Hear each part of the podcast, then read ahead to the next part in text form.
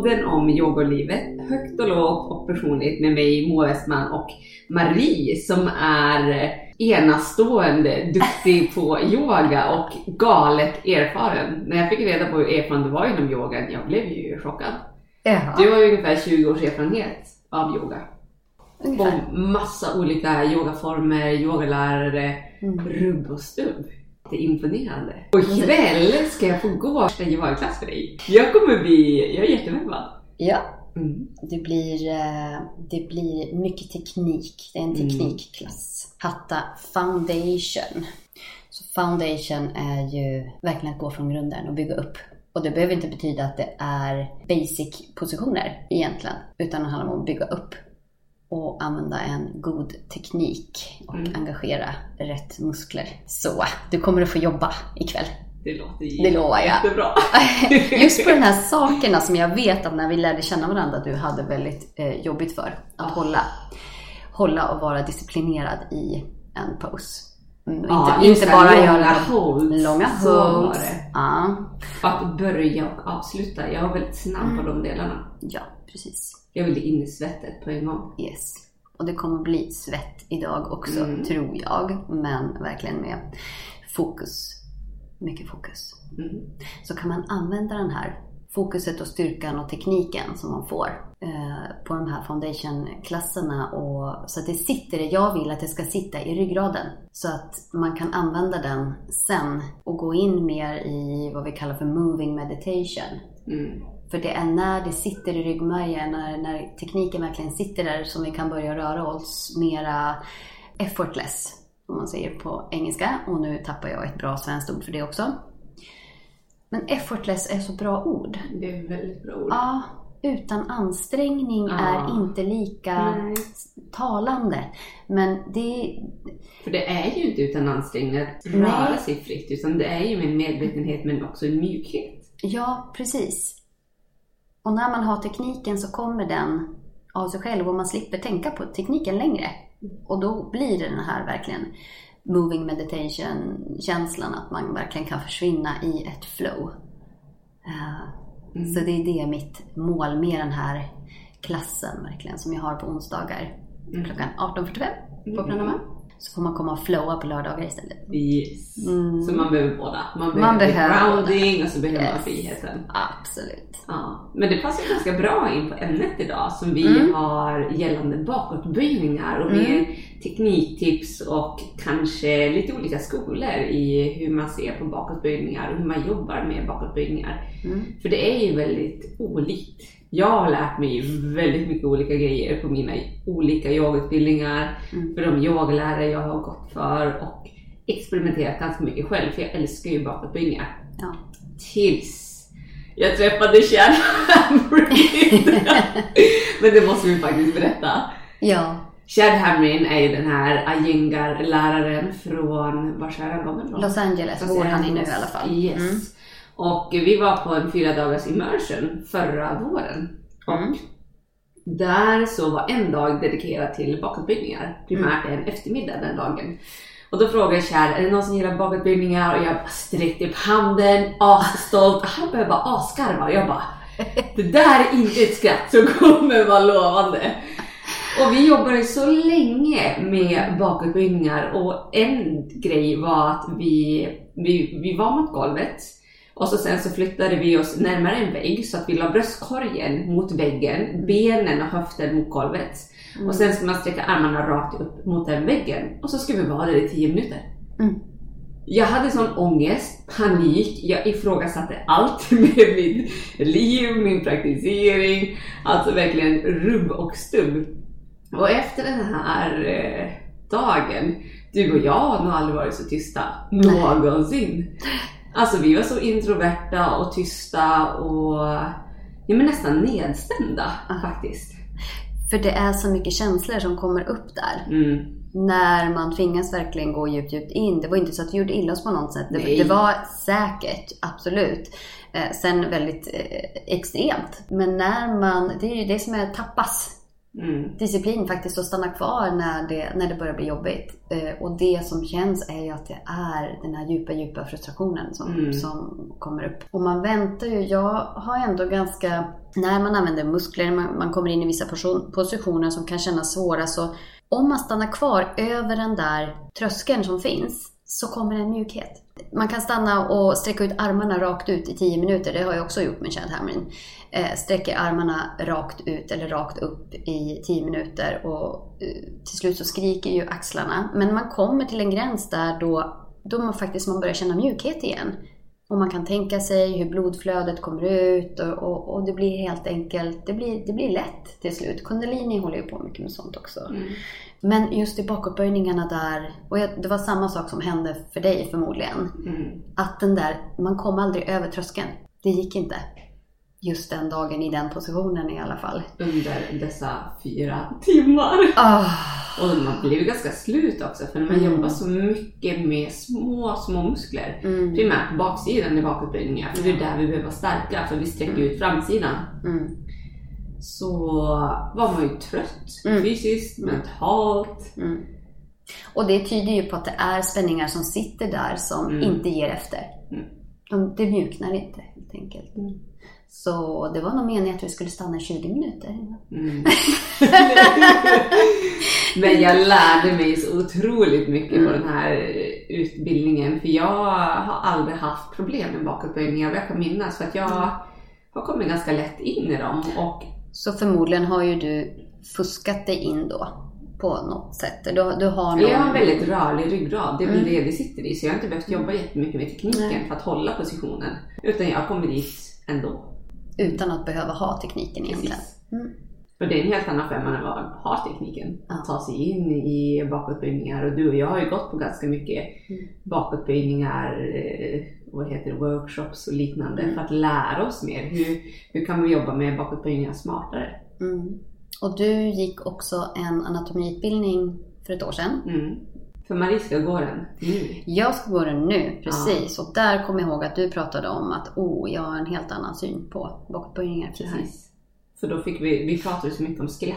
Mm. Att skelettet är uppbyggt på lite olika sätt och det var ju Mm. bara erfarna yogalärare som gick den utbildningen. Ni har gick den och vi var ungefär 10-15 stycken tror jag. Mm. Och då fick vi kolla på varandras ryggrad och alla kollade i min ryggrad. De bara, men det ser ut som den går av.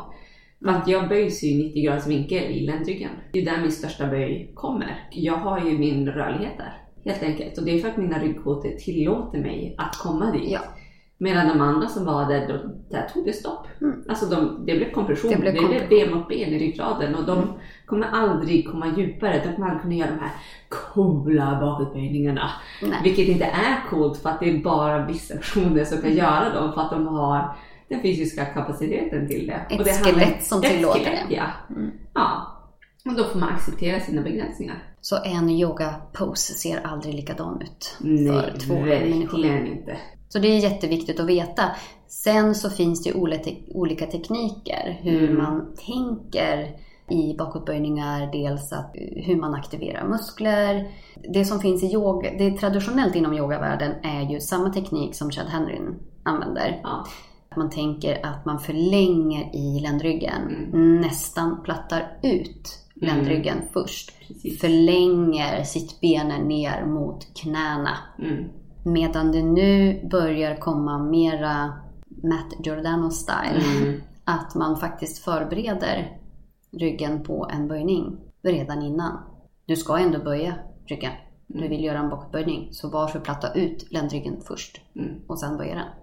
Och det pratade vi jättemycket om i min utbildning också när Mm. vi gick den anatomiutbildningen. Och då sa de ju att du kan inte böja bröstryggen bakåt.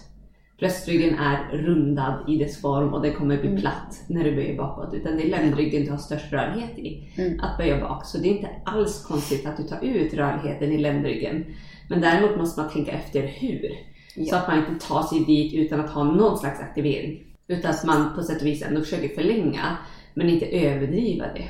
Så dina bästa tips för att eh, förbereda för bakåtböjningar? Grunden är ju att man ska stärka ryggen. Stärka ryggen, armar, handleder, fingrar. Alltså baksidan av kroppen. För det är ju framsidan av kroppen du kommer att sträcka ut. Mm. Så man måste ju skapa en klass egentligen som går ut på att man ska öppna upp framsidan. Att börja värna kroppen med de här mjuka bakåtböjningarna, vilket vi gör i klassiska solhälsningar. Mm. Bland annat i kobran och i uppåtgående hund. Mm. Så. Och där stärker man också i, i eh, kobran. Och shalabasana, hur förklarar vi shalabasana? Shalabasana är väl att man ligger på golvet. Mm. Man antingen sträcker man händerna rakt bak eller så knäpper man händerna bakom ryggen. Mm. Och så lyfter man överkroppen bort från golvet och benen bort från golvet. Och den stärker även ryggen. Och jag tycker att den är jätte, jättebra övning för oss. Speciellt för de som håller på bara med yoga. Mm. För att vi behöver stärka upp den bakre kedjan. Mm.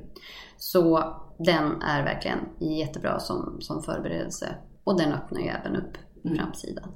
Och det Chad pratade otroligt mycket om var att dra samman skulderbladen. Mm. Och det var ju den instruktionen vi jobbar väldigt mycket på för att öppna upp framsidan, öppna upp bröstkorgen, vidda mellan nyckelbenen, vidda mellan axlarna på framsidan. Mm. För när vi sitter ner så otroligt mycket så brukar axlarna komma framåt. Och det gör ju att muskulaturen, bröstmuskulaturen blir kortare. Så den behöver vi jobba med att öppna upp muskulärt. Sen kan ju jag känna, vi pratade i förra avsnittet också om att en instruktion är den kan behövas, helt olika instruktioner kan behövas för olika människor. Du pratar om bröstryggen, att ja, men det går inte att böja bröstryggen, man pratar om att öppna bröstryggen. Mm. Det är kanske inte är riktigt sant, men samtidigt så känner man, de allra, allra flesta är ju extremt stela runt om Mm. bröstryggen. Just eh, att man inte kan röra skulderbladen fritt upp och ner, utåt och in mot varandra. Och det, det är ju mer muskulärt runt om bröstryggen. Sen att det, att det i skelettet, de kotorna, inte går att Mm. öppna upp är ju en annan, en annan sak. Mm. Sen kan det ju se ut som att det är en rundning i bröstryggen men om man Mm. verkligen kollar på det så är bröstryggen platt. Men det är skulderbladen som skapar rundningen så att det ser att det är runt. Mm. Men när man pratar om att öppna upp bröstryggen så pratar man egentligen om att öppna upp framsidan. Ja. Som du sa, givetvis skulderbladen, mjuka upp dem så att man får mer rörlighet i skulderbladen. För det behöver vi all slags yoga och primärt eh, bakåtböjningar, helst när vi sticker armarna ovanför huvudet. Som i bryggan, eller Urdhva Dhanurasana som man kallar den. Och det kräver ju också väldigt mycket rörlighet på framsidan, så det är alltid en kombination av de båda. Och vi är så stram på framsidan. Vi är ju liksom telefongenerationen, datagenerationen, sitter på bussen med telefonen och då sitter vi med händerna närmare varandra, händer, armbågarna nära kroppen och gärna en rundning i Mm. bröstryggen så att vi förstärker den rundning som vi redan har. Och så kommer folk in på en yogaklass och eh, vill då göra Urdhva Dhanurasana som är en eh, hel brygga. Eh, och tror att de ska kunna göra den när de inte ens kan sträcka händerna ovanför huvudet med raka armar. Då blir det svårt för att man, man, sitter, man är kort i, i bröstet och i axlarna och inte heller har, har styrkan på baksidan. Så det är klart att det är jätteutmanande att göra en hel brygga då. Många, många jag vet på mina klasser som inte kan ha raka armar när man sträcker upp dem. Mm. Så det, det är klart att det är en stor utmaning. Och då det som brukar hända, vad brukar hända då? Det är ju att man försöker pressa sig upp men det händer inte jättemycket i ryggraden egentligen utan man den ser lite konstig ut om man säger så. Och vad är konstigt? Det är lite svårt att förklara men det är som en slalombacke, en utsträckt slalombacke skulle jag Mm. säga. Att man böjer benen, lyfter hälarna, knäna skjuts framåt, Mm, eller ut. ut, precis. Och så kommer man lite upp. Mm. Men man kommer inte speciellt högt. Eller så gör man det och får ont i knän. Mm. Väldigt vanligt.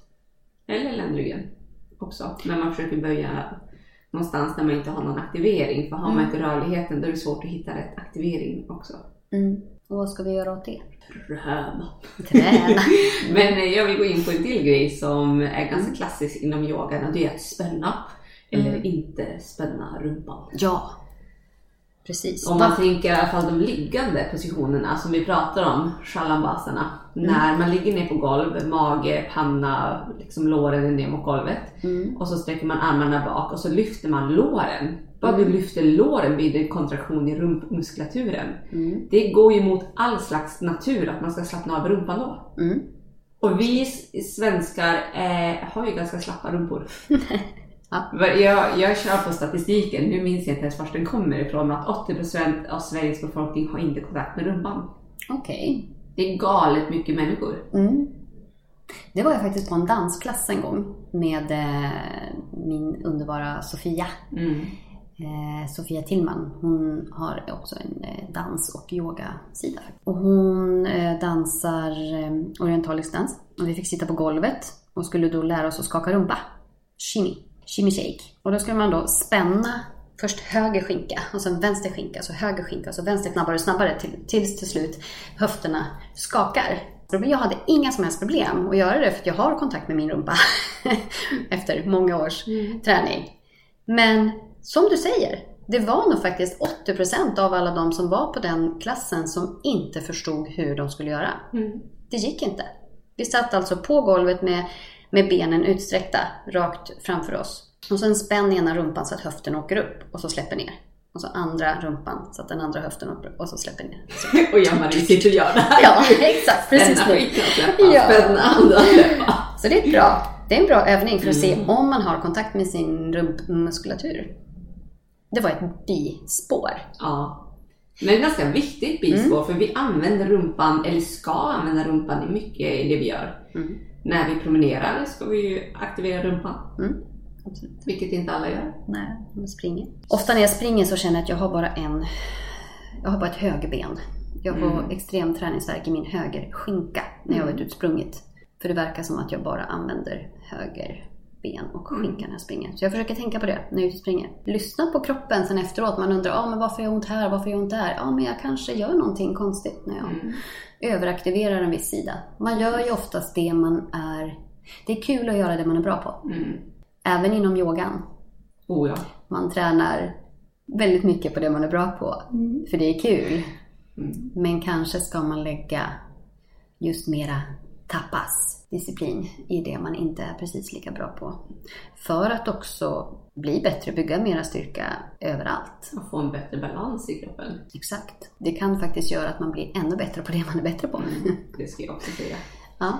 Men back to the ass. Back to the ass. Yes, så um, klassiskt. Jag vet faktiskt inte vad Chad sa på det, men jag vet i alla fall i ashtanga-yogan där jag skolade, där ska man slappna av i rumpan Ja. i bakåtböjningar. Och det har man fått väldigt många olika förklaringar på. Vissa säger att man kommer djupare in i bakåtböjningar ifall man slappnar av i rumpan. Om man spänner rumpan så blir det en slags begränsning. Mm. Eller en annan förklaring jag har hört att man säger att man ska slappna av är att om man spänner rumpan för mycket så kan man trycka igenom och få kompression. Att man blir för stark helt enkelt och liksom trycker upp höften eh, och får en översträckning och att det till slut då också för det gör ju att man spänner rumpan så får man en utåtrotation i lårbenen. Mm. Eh, Och det kan då dra i knäna. Så därför tror jag man har sagt att man kanske, om man, att, man, att man säger det för att man inte ska spänna rumpan för mycket. Det är ofta det det har blivit inom yogan och de här ja, men utbildningarna när man ska utbilda många lärare samtidigt och snabbt. Så blir det standardinstruktioner. Och de håller ju inte för alla. Man har, man har gjort, skapat vissa instruktioner som, som gäller för kanske 40% för att de trycker igenom för mycket och överpresterar. Eh, medan den instruktionen inte alls passar övriga. Så för 40% kan det vara helt rätt, för 40% kan det vara helt fel och för de andra procenten så är de någonstans mitt emellan som varken behöver den ena eller den andra instruktionen. Eh, För det som händer som sagt när man spänner i- rumpan mycket så blir det en utåtrotation i lårbenen som då kan tas ut i knäna egentligen. Så man Ja. släpper efter lite, lite grann och försöker att få aktivera insidan av låren istället. Och utåtrotation innebär att knäna åker ut i sidan och inte åker in mot varandra. Ja, som då kan leda dels till kompression i Mm. ländryggen och eh, att man får ont i knäna Mm. helt enkelt. Så får man Absolut. ont i knäna kan man testa att släppa efter lite Mm. i rumpan. Och där kommer det ju alltid lagom läge. Jag tycker Lagom absolut att man ska ha en aktiverad rumpa, men aktiverad rumpa in- innebär inte en stålrumpa. Exakt. Utan man måste ju ha en slags rörlighet i sin aktivering. Där har vi den svenska lagom är bäst. Vi svenskar måste lära oss att leva efter vår egen visdom. På alla plan. Så det, det har jag svårt för i bakåtböjningarna, att komma ihåg att aktivera insida lår. Mm. För det hjälper mig. ja. Som kompensation. Och det hjälper mig väldigt mycket med stabilitet och styrka och även, och även lyft. Så det har jag fått träna på väldigt hårt, att komma ihåg att aktivera insidan. Man kan ju köra med en kloss mellan knäna. Vilket heller inte passar alla.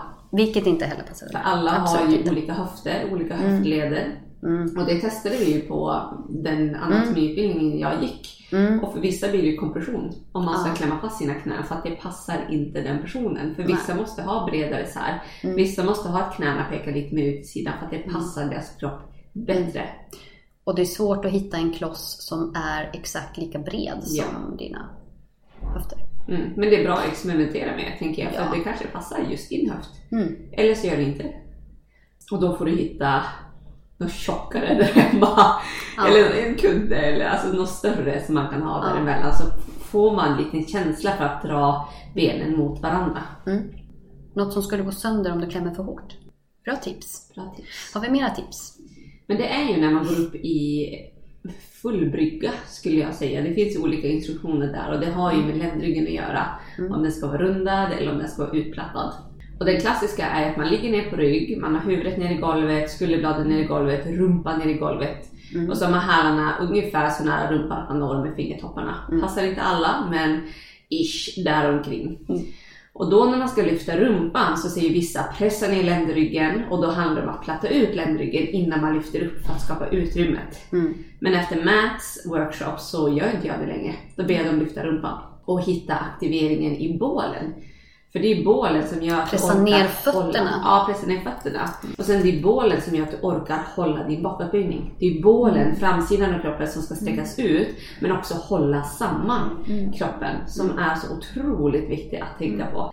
Och tänka på längden Mm. framför allt. Alltså man tänker sig att man ska utöka avståndet mellan kotorna Mm. först. Om man tänker sig att man drar in magen och sen inåt, uppåt, upp under hjärtat.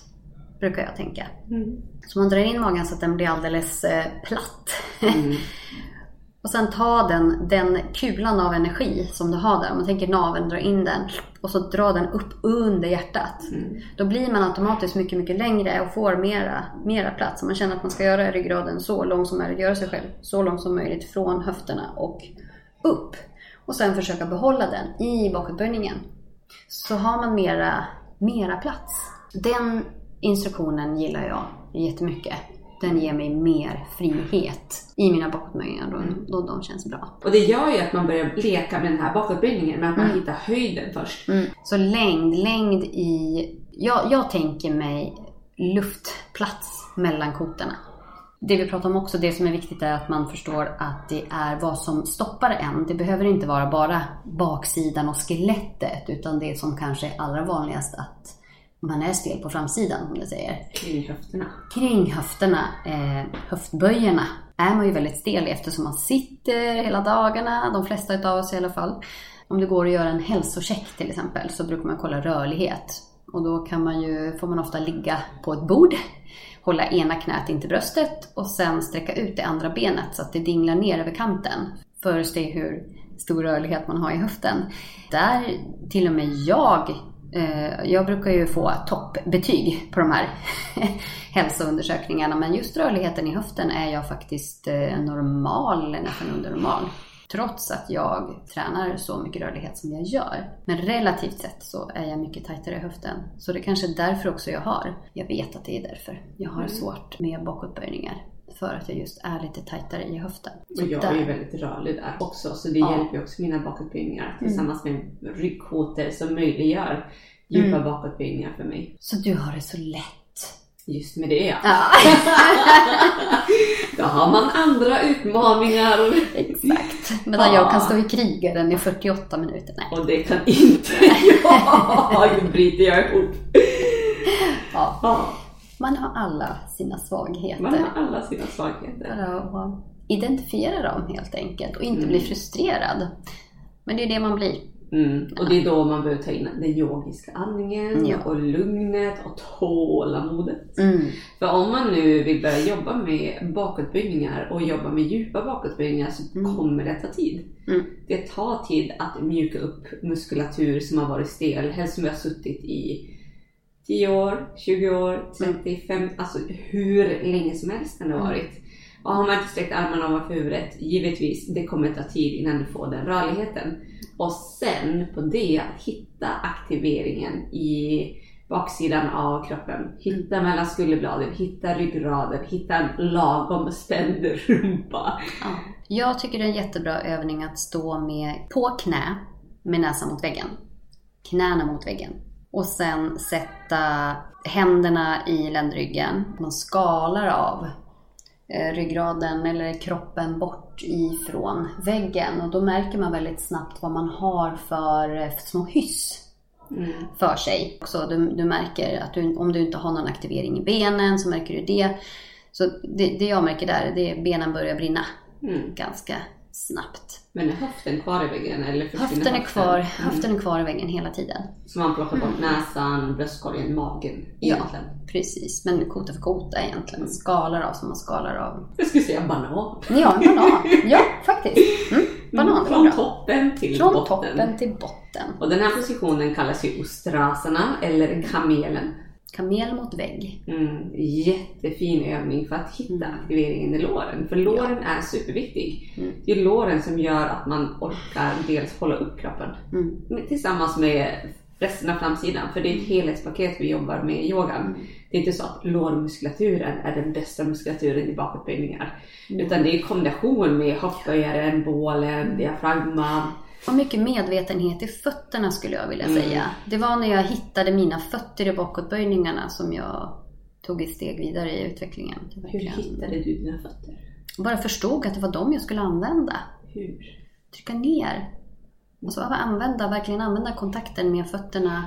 Så jag tänker inte lyft upp höften. Jag tänker tryck ner fötterna så åker höften upp. Mm. Den är faktiskt bra. För det, tänker man lyft höfterna, då, då blir det ju rumpan som man måste lyfta med. Styrkan kommer från benen och, och kontakten får du genom att aktivera ner genom benen, ner genom fötterna. Det är självklart, det vet man ju bara om man har stampat ner foten i golvet. Man känner sig Ja. så mycket mer stabil Mm. än om man inte alls är medveten om vilken kontakt foten har med golvet. Många tänker att de ska lyfta med armarna. De tror att de är för svaga i armarna för att trycka sig upp. Men jag tycker att det krävs inte så mycket styrka egentligen. Det är mera en kombination av rörlighet och styrka, men inte så mycket styrka om man använder sina ben. Mm. Men du är stark. ja, men jag, jag har alltid varit så stark i mina armar så jag har aldrig känt att det har varit en begränsning. Men jag har ju märkt att många har det tufft att trycka upp sig. Men det beror nog primärt på rörligheten. Ja. Att har man rörligheten kring axlar, skuldror, bröst, rygg så kommer det vara betydligt lättare att lyfta sig. Men givetvis är benen passiva. Då blir det ju ännu mer arbete för armarna. Man behöver jobba med båda delarna av kroppen. Och sen brukar man ju, det är någonting jag skulle vilja ta upp, det är när man går upp i bryggan, att man brukar vila på halva vägen. Men man sätter först toppen på huvudet i golvet. Och det är jättesmart, jättebra, så att man kan komma in lite mer med armbågarna, rätta till, få, få bak fingertopparna lite närmare axlarna. Eh, Men det som är, när man ska vara lite försiktig med det här, det är att man inte böjer bak nacken för mycket. Att man Mm. tänker vara neutral. Precis samma som i huvudstående. Att man inte får för mycket böj i nacken. Utan att nacken är rak, neutral. Men den är ganska Toppen. svår för vi är ju en bakåtböjning. Det är svårt. Men om du sätter toppen på huvudet och inte rullar framåt pannan Mm. så är det oftast okej. För man säger toppen på huvudet. Man Mm. säger inte sätt pannan i golvet. Nej, precis. Men så man är lite försiktig med sin nacke där och inte får fullt tryck på Mm. Och har man en väldigt känslig nacke så passar ju inte det läget för de personerna. Nej. Bygga upp styrkan också i nacken. Mm, men jag tyckte är jättebra att mellanlanda där för att verkligen Mm. återknyta till tekniken och ta det ganska varsamt. Mm. För många gånger så har vi ganska bråttom upp. Och har man bråttom upp då hinner man kanske inte känna efter när kroppen säger stopp. Och ländryggen säger stopp väldigt fort för att det kan vara en ganska knivskarp smärta som dyker upp. Mm. Och vi ska aldrig uppleva en knivskarp smärta i ländryggen när vi gör bakåtböjningar för då gör man inte rätt. Då, då är man Då behöver man backa tillbaka några steg. Mm. Och mest troligen jobba med bålen skulle Mm. jag säga. Att kunna hålla sin egna kropp och kunna lyfta sin egen kropp och hålla den hållningen även när ryggraden böjs bakåt. Ja, men alternativ då, man kan göra också. Om man tycker att det är för tungt helt enkelt och det känns inte okej att göra bakåtböjning, att göra en full brygga. Så tycker jag om en bakåtböjning mot väggen. Man står med rumpan mot väggen, bak huvudet mot väggen. Ta ett steg fram, sträck armarna upp och lägg fingertopparna mot väggen bakom dig. Eh, Och lyft upp bröstet. Och sen kanske gå ett halvt steg framåt. Håll- Behålla fingertopparna i vägg, lyft upp bröstet framåt och, och jobba sig egentligen ner. Sen kanske fingertopparna kan komma lite längre ner på väggen men fortfarande lyfta upp bröstet. Det är en väldigt, väldigt skön Mm. bakåtböjning och bröstöppnare och även öppnar upp i, i axlarna. Som jag märker funkar väldigt, väldigt bra på kontorsmänniskor. Och den tror jag vi måste visa på vårt Instagramflöde. Det Hur ska vi gör göra. den övningen. Ja, För den är ju superbra. mm. det tycker jag att vi ska göra. Mm. Sen det man kan göra som alternativ är också att ta en kompis och eh, ta tag runt om. Om kompisen står med fötterna på varsin sida om huvudet så kan man sätta händerna mot fotlederna på kompisen och faktiskt få hjälp att komma, komma upp. Och då hamnar man med händerna på ett annat sätt. För oftast är det som sagt rörligheten i, Handlederna. i hand, ja, och axlar runt skulder, skulle Mm. jag den som gör att du inte kommer upp. Så kommer du upp då med händerna en liten bit och får hjälp av din kompis, så tag runt fotlederna helt enkelt. För att komma i bryggan. För att komma upp i bryggan. Eller klossar mot väggen. Mm. Luta två klossar mot väggen och sätt händerna på dem så man kommer högre upp med händerna. Och det gör att man inte jobbar med lika mycket handleder. För att handleden är ju, det krävs väldigt god rörlighet i den Mm. för att komma upp i full brygga. Och det viktigaste när, när man kommer ner från bryggan är inte kraschlandningen. utan att jag brukar i alla fall vika in hakan mot bröstkorgen så att landningen blir på bakhuvudet och skulderbladen. Mm. För många gånger så trycker man sig upp Mm. och så hänger man där och så hänger man lite för länge och så vill man snabbt som tusan ner. Mm. Och det man gör är att man sätter ner huvudet och så får man kanske ganska stor kraft ner. Mm. Och där måste man ju verkligen vara hänsyn, ta hänsyn till sin nacke. Och att vika in hakan, verkligen Mm. slow motion ta dig neråt för där bygger du enorm styrka. Ja. Klättra inte upp i trädet om du inte kan klättra ner. Säger mamma Marie. Precis. Man ska inte behöva hoppa ner i trädet. Nej. Så det är bra tips tycker jag. Mm. Vi börjar där. Ja, men, ja. Och sen kanske man kan komma på en backbend workshop någon gång framöver. yes. Oh yes. Vad för meditation eller andningsövning passar till detta? Eftersom bakåtböjningar ofta är väldigt upplyftande för att Mm. det, det sätter ju viss stress på kroppen för att vi böjer ryggraden och längs med ryggraden har vi vårt nervsystem. Mm. Så vi väcker ju verkligen nervsystemet när vi böjer ryggraden bakåt och sen kan det ha lite rädslor i sig och rädslor kickar igång vårt sympatiska Mm. nervsystem. Så jag tycker definitivt en andningsövning för att Mm. lugna ner systemet. Och då tycker jag Viloma pranayam skulle Mm. vara passande. Perfekt. Mm. Hej då Moa! Ja men hejdå Marie!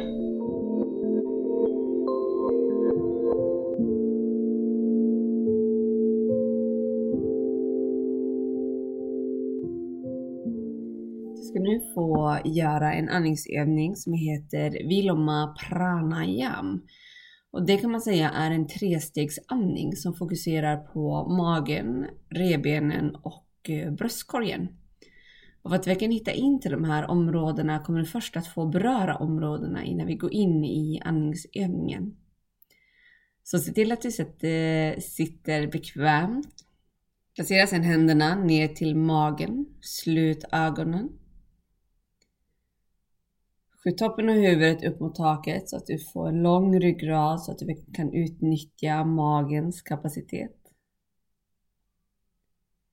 Med händerna till magen dirigera andningen ner till magen. Tänk dig ungefär som en buddha-mage. Att du i det här läget kan låta magen få vara avslappnad så att den kan expandera och dra samman när du andas.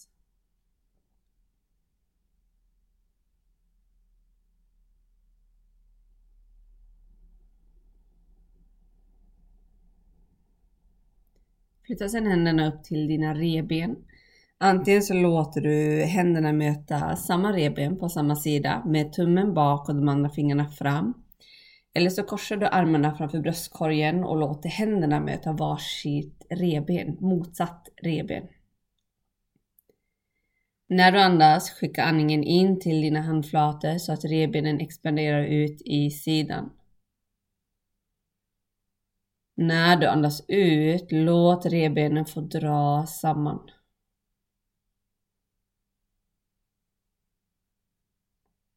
Och gör andningen redan nu ganska seg och långsam.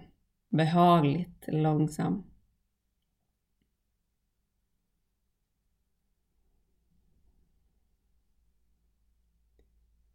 Placera till sist händerna till bröstkorgen. Uppmärksamma hur händerna expanderar uppåt när du andas in. Hur händerna sjunker neråt när du andas ut.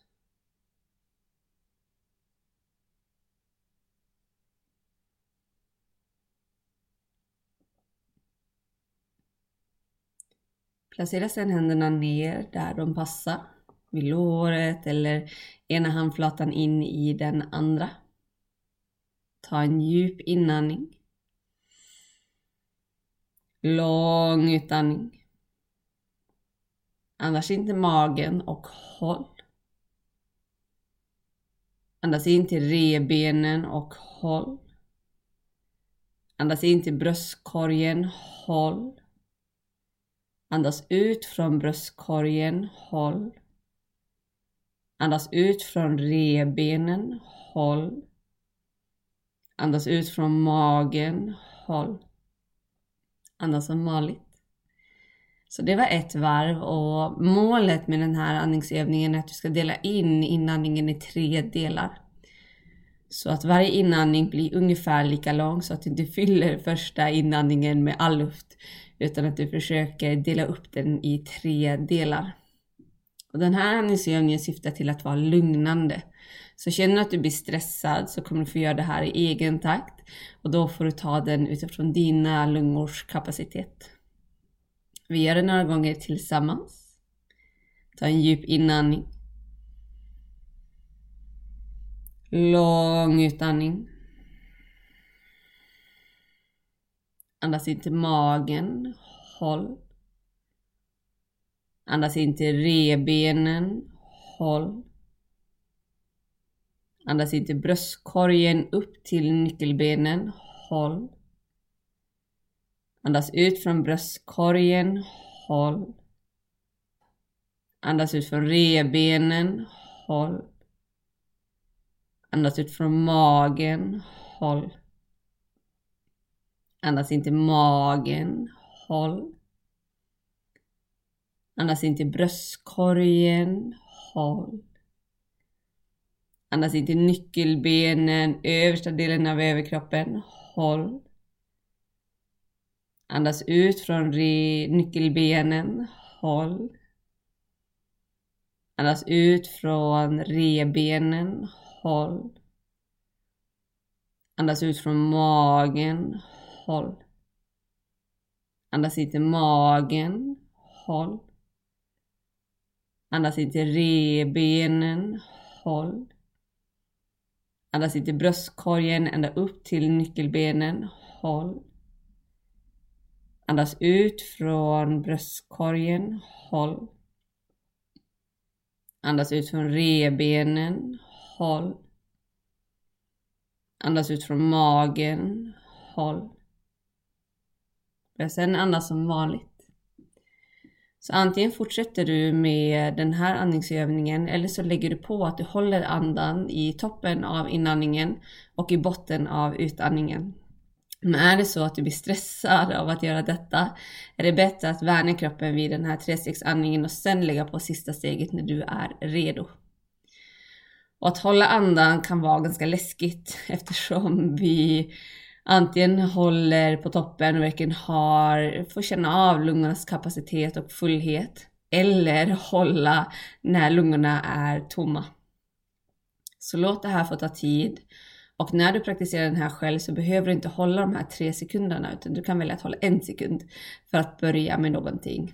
Men tre sekunder som max i just den här andningsövningen. Så vi gör den tillsammans igen. Ta en djup inandning. Lång utandning. Andas in till magen. Håll. Andas in till revbenen. Håll. Andas in till bröstkorgen. Håll andan 3, 2, 1. Andas ut från bröstkorgen. Håll. Andas ut från revbenen. Håll. Andas ut, krama ur magen med hjälp av magmuskulaturen. Håll.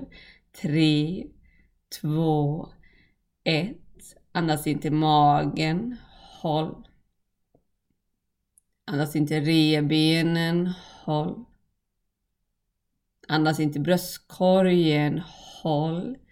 3, 2, 1. Andas ut från bröstkorgen. Håll. Andas ut från revbenen. Håll. Andas ut, krama ur luften med hjälp av magen. Håll. 3, 2, 1. Andas in till magen. Håll. Andas in till revbenen. Håll. Andas in till bröstkorgen upp till nyckelbenen. Håll 3, 2, 1. Andas ut från bröstkorgen. Håll. Andas ut från revbenen. Håll. Andas ut från magen, krama ur luften med hjälp av magmuskulaturen. Håll 3, 2, 1 och andas precis som vanligt. Gärna med ögonen slutna. Observera den känsla du har just nu efter andningsövningen. Om du känner dig lugnare eller mer stressad.